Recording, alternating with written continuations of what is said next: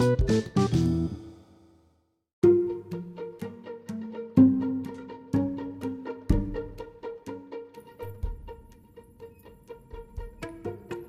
semuanya, selamat datang kembali di podcast Ubur-Ubur Col Nah, aku kembali setelah sekian lama tidak bersua dan akhirnya aku bisa bercerita lagi Sebenarnya aku pengen cerita ini dari sejak akhir tahun 2021 Tapi karena baru bisa sekarang So, I will tell you now about what I'm thinking about Nah, beberapa minggu ke belakang ini aku agak hektik teman-teman karena akhirnya aku pindah tempat kerja. Yeay.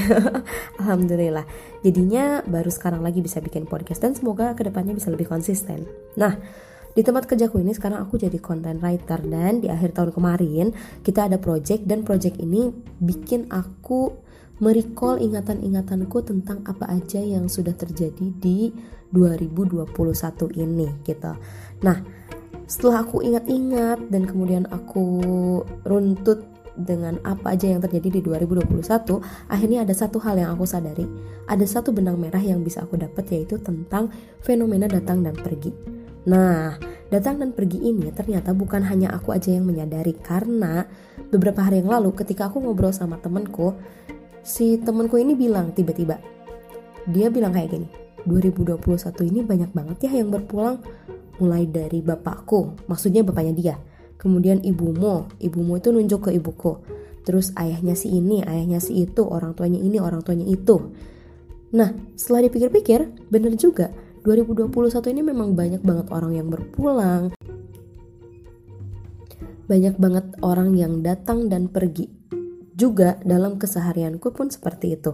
Tapi datang dan pergi ini bukan hanya tentang uh, kepulangan seseorang ya teman-teman tapi juga tentang kita kehilangan teman atau kita punya teman baru gitu. Nah, uh, selain temanku yang tadi, ada satu lagi nih teman yang tiba-tiba suatu malam dia bertanya lewat WhatsApp, Van, gimana menurut kamu tentang datang dan pergi?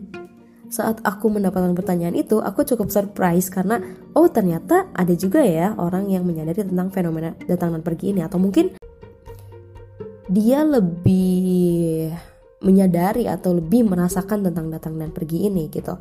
Jadi sekarang aku pengen cerita tentang fenomena-fenomena yang aku alami tentang datang dan pergi ini. Nah, uh, aku akan mulai dari awal tahun 2021. Saat itu aku mendapatkan pekerjaan pertamaku dan tentu saja aku mendapatkan teman baru, lingkungan baru. Karena aku memang tipe orang yang suka dengan lingkungan baru. Cuma ya di awal tuh suka agak-agak canggung. Nah, sejalan dengan hadirnya teman baru di tempat kerja, aku juga mulai kehilangan beberapa teman kuliahku karena kami mulai berpencar mencari jalan masing-masing, mencari jalan hidup masing-masing, dan akhirnya ya kita sudah mulai jarang kontekan walaupun punya kontak WhatsAppnya, tahu media sosialnya, tapi kita cuma tahu kabarnya lewat media sosial, lewat updatean-updateannya dia gitu. Dan di sini sudah mulai kelihatan kan fenomena datang dan perginya itu ketika kita punya teman baru atau aku sendiri ada teman baru di lingkungan baru, temanku yang lama pun uh, aku kehilangan mereka gitu. Karena kita sudah mulai berpencar. Nah, Lalu, selain itu, aku juga mengingat ada beberapa tetanggaku yang datang ke daerah kami, tetangga baru, ada tetangga baru yang datang ke daerah kami, tapi juga ada tetangga yang harus berpulang. Atau teman-temanku yang tadinya merantau, sekarang mereka kembali ke kampung dan beraktivitas di lingkungan rumah. Nah, lalu fenomena yang lainnya yaitu ketika pertengahan tahun aku mendapatkan peran baru di keluarga. Nah, ini cukup uh, mengguncang teman-teman khususnya buat aku. Karena saat itu bapakku harus masuk rumah sakit dan untuk pertama kalinya aku menjaga bapakku sepanjang hari bahkan sampai menginap di rumah sakit bareng mamaku. Biasanya di rumah kalau misalnya ada yang sakit bapak yang paling siaga tapi karena sekarang bapak yang sakit anak-anaknya otomatis harus siaga bersama istrinya itu. Nah tapi karena semua anak-anak perempuannya atau khususnya anak perempuan yang paling besar itu uh, harus bekerja full time jadi nggak bisa menemani. Dan saat itu kebetulan aku bisa menemani dan that's a new challenge for me. Dan alhamdulillah bapak bisa sembuh dan bisa kembali berkumpul gitu. Dan kembalinya bapakku ini menjadi hal yang sangat sangat sangat aku syukuri karena yang tadinya dia harus berbaring di rumah sakit akhirnya bisa kembali ke rumah nah lalu di pertengahan tahun aku juga sempat lost kontak dengan teman-teman dekatku. Jadi uh, di kuliah itu aku ada satu ya katakanlah satu circle.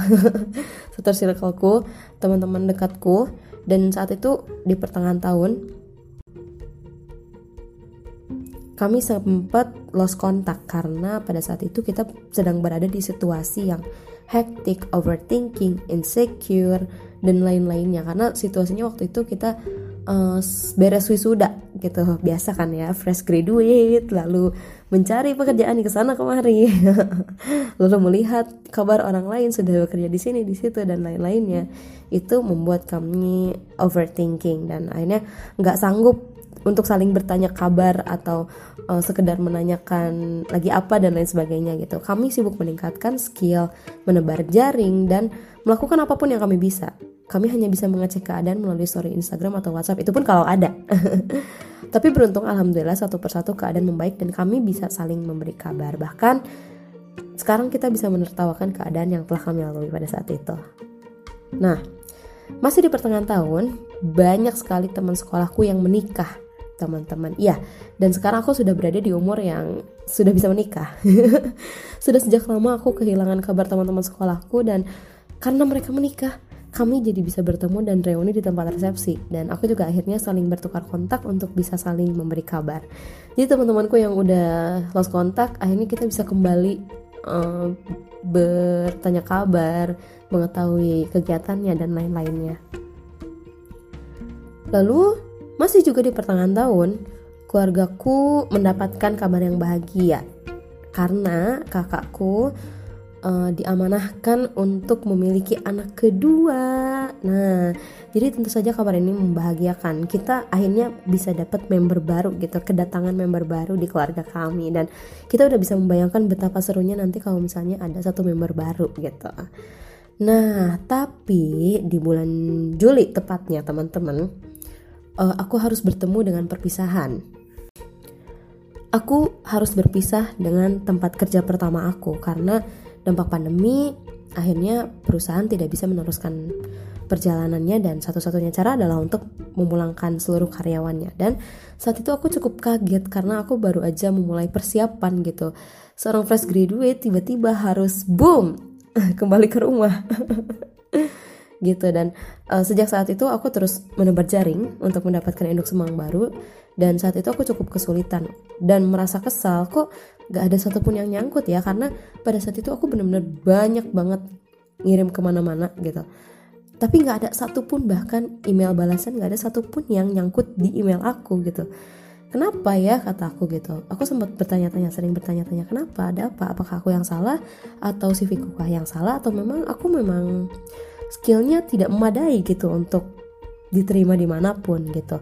Namun ternyata aku mendapatkan jawabannya di menjelang akhir tahun. Tuhan punya alasan untuk itu, sesuatu yang mengharuskanku untuk tetap di rumah dan ini berkaitan dengan kepergian terbesar aku.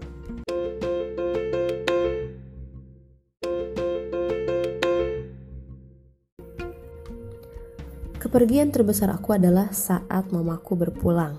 Nah, um, memang uh, ini tidak disangka-sangka karena beberapa hari sebelumnya mamaku ini terlihat sangat-sangat-sangat sehat. Ia masih ikut rapat, beraktivitas seperti biasa, berjemur bersama tetangga di pagi hari, karaoke di sore hari sama bapakku, atau bermain badminton sama teman-temannya, atau ngaji di malam hari ya pokoknya kita nggak melihat tanda-tanda ada sakit gitu. Atau mungkin memang uh, beliau sengaja menyembunyikan dari anak-anaknya. Tahu-tahu empat hari sebelum kepergian mamaku ia merasa lemas dan mama tuh nggak kuat untuk beraktivitas seperti biasa. Mama nggak kuat nyetir motor dan hanya ingin tiduran aja. Bahkan ke mana-mana pun diantar sama adekku. Kami pikir mama kecapean karena jadwalnya memang padat banget. Tapi akhirnya uh, kita tahu kalau mama itu harus dibawa ke rumah sakit karena gak bisa bergerak sama sekali. Bahkan untuk menggeserkan tangan pun beliau harus dibantu. Saat itu kami berpikir bahwa kayaknya tiga hari juga sembuh gitu. Ya kami melangkahi takdir dan nyatanya dalam tiga hari mama memang harus pulang tapi tidak pulang ke rumah. Tapi harus berpulang ke tempat asalnya gitu. Antara percaya dan nggak percaya, kami harus menerima uh, kejadian ini. Tapi yang paling membuat kami sedih adalah keadaan bapak. Bapak yang biasanya selalu bersama mama, sangat-sangat merasa kehilangan sekali sampai sakit yang dirasakan di pertengahan tahun waktu itu kambuh kembali hingga sekarang. Bapak kehilangan penyemangatnya dan kami anak-anaknya pun harus meneruskan peran mama gitu. Walaupun ya sudah berlalu berbulan-bulan. Tapi kami merasa mama itu masih ada dan seperti sedang berkegiatan di luar dan pasti nanti balik lagi gitu. Tapi ya kenyataannya tidak. Jadi proses penerimaan ini masih harus berlanjut entah hingga kapan. Nah, cukup sampai di situ. Dua hari setelah mamaku berpulang kakakku pun harus kehilangan buah hati yang sedang dikandungnya. Dokter bilang karena kelelahan dan stres kakakku harus merelakan bayinya yang keluar lebih cepat karena uh, pada saat hari meninggalnya mamaku memang uh, apa ya selama seminggu itu kita benar-benar capek, stres dan apa ya hidup tuh kayak ngambang aja gitu, gak ada ruhnya. Kita tuh kayak sadar nggak sadar bahwa kita tuh hidup gitu. Dan mungkin itu juga mempengaruhi terhadap kandungan tetehku atau kakakku. Dan mau nggak mau keluarga kami harus menanggung kepergian dua kali dan hal ini cukup mengguncang tapi kami nggak bisa berbuat apa-apa selain menerimanya. Mungkin memang ini jalan terbaik untuk kami. Nah, hingga akhir tahun beberapa orang tua dari teman dekatku pun berpulang. Sampai saat itu aku berpikir kok banyak banget ya orang yang aku kenal itu berpulang gitu. Nah, tapi ya mungkin itu memang sudah waktunya dan sudah digariskan oleh Tuhan seperti itu. Kami sebagai orang yang ditinggal ya mau tidak mau harus menerimanya gitu karena tidak ada cara lain selain itu. Tapi akhirnya setelah berbagai badai datang, akhirnya di bulan September Allah memberikanku kesempatan baru. Seperti cahaya baru yang keluar dari gumpalan-gumpalan awan hitam. akhirnya aku mendapatkan induk semang baru di tempatku yang sekarang. Dan ini akan menjadi garis startku yang baru untuk memulai hidup baru setelah keterpurukan yang aku rasakan. Nah, kesempatan ini seperti kompensasi Tuhan untukku karena sudah melalui masa-masa yang menyakitkan, teman-teman. Nah, di tempat baru ini aku seperti apa ya? Kembali lagi mulai dari nol. Aku dapat teman baru lagi, lingkungan baru lagi, aku belajar beradaptasi lagi dan bersosialisasi lagi di tempat baruku dan ternyata lumayan cukup susah teman-teman karena uh, tadinya sudah terbiasa berinteraksi dengan orang yang udah dikenal kemudian juga lebih banyak di rumah. Gara-gara covid ini ya memang si covid ini jadi bikin orang susah untuk bersosialisasi. Tapi ya um, untungnya lama-lama juga jadi terbiasa gitu. Tapi ada yang unik teman-teman. Saat aku datang ke tempat kerjaku yang baru aku juga melihat fenomena datang dan pergi ini gitu. Ketika aku sebagai orang yang baru aja datang ke tempat itu baru beberapa hari aku kerja entah itu hari ketiga entah itu hari kedua aku udah mendengar kabar bahwa si teteh ini mau resign si akang ini mau resign ini ini ini ini mau resign gitu. Aku jadi merasa loh kok aku masuk? Orang-orang pada keluar ya? Gitu kan aku. Apakah ini gara-gara aku? Tapi enggak sih. Memang ya um, mereka memang sudah harus pergi memang harus berpindah lagi tempatnya dan fenomena datang dan pergi ini jadi terasa nyata banget teman-teman.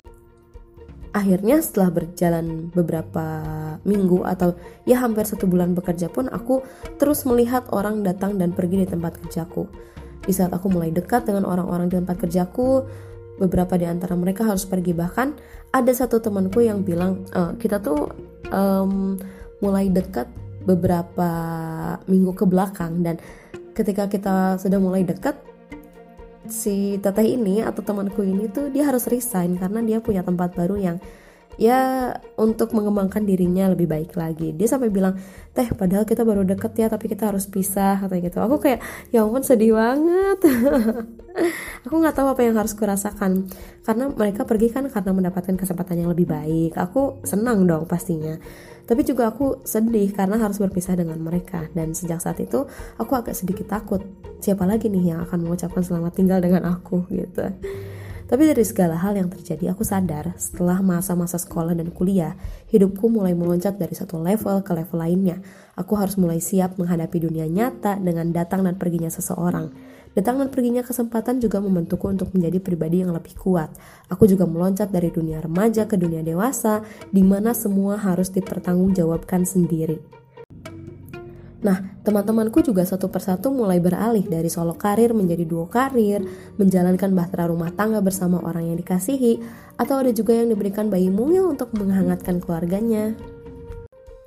Ada juga yang solo karir tetap solo karir, tapi keadaan karirnya lebih baik lagi gitu dan itu kabar baik untuk semuanya. Dan aku juga sadar, semakin dewasa kita harus terbiasa dengan datang dan perginya seseorang entah orang yang dikasihi atau orang yang gak disenangi. Semua akan datang dan pergi pada waktunya. Aku pernah berpikir betapa kuatnya seniorku di tempat kerja yang sudah bekerja belasan tahun, membayangkan mereka terus bertemu dan berpisah dengan orang baru, membuat apa ya hatiku tuh sakit gitu. Gimana bisa mereka kuat menghadapi situasi itu? Mereka juga beradaptasi dengan orang baru kemudian tiba-tiba harus berpisah lagi lalu beradaptasi lagi dengan orang baru terus saja begitu bertahun-tahun. Tapi walaupun pahit 2021 ini tetap memberikan pengaruh yang luar biasa. Tanpa disadari dengan datang dan perginya seseorang membuat kita lebih kuat dan lebih tegar untuk menghadapi realita hidup dan semoga ke depannya kita bisa lebih show up lagi dengan versi yang lebih baik, terus naik ke level yang lebih tinggi hingga akhirnya kita menemukan kebahagiaan kita sendiri. Nah, dan juga teman-teman yang merasakan datang dan perginya sesuatu atau seseorang, selamat. Kamu sudah survive di tahun yang keras ini Pasti banyak sekali hal yang harus dilalui hingga akhirnya kamu ada di hari ini. Hari di mana kamu mendengarkan podcast ini. Hari di mana kamu sedang bernafas dan merasakan berbagai perasaan yang hadir saat ini. Teman-teman, teruslah bertahan. Gak apa-apa sesekali kalau beristirahat. Sesekali merasa capek itu gak apa-apa. Tapi jangan lupa untuk terus melanjutkan hidup mencapai apa yang kita inginkan. Nah, sekian podcastku hari ini dan cerita-ceritaku hari ini. Kalau teman-teman suka bisa share podcastnya ke teman-teman yang lainnya dan sampai jumpa di podcast selanjutnya. Bye-bye!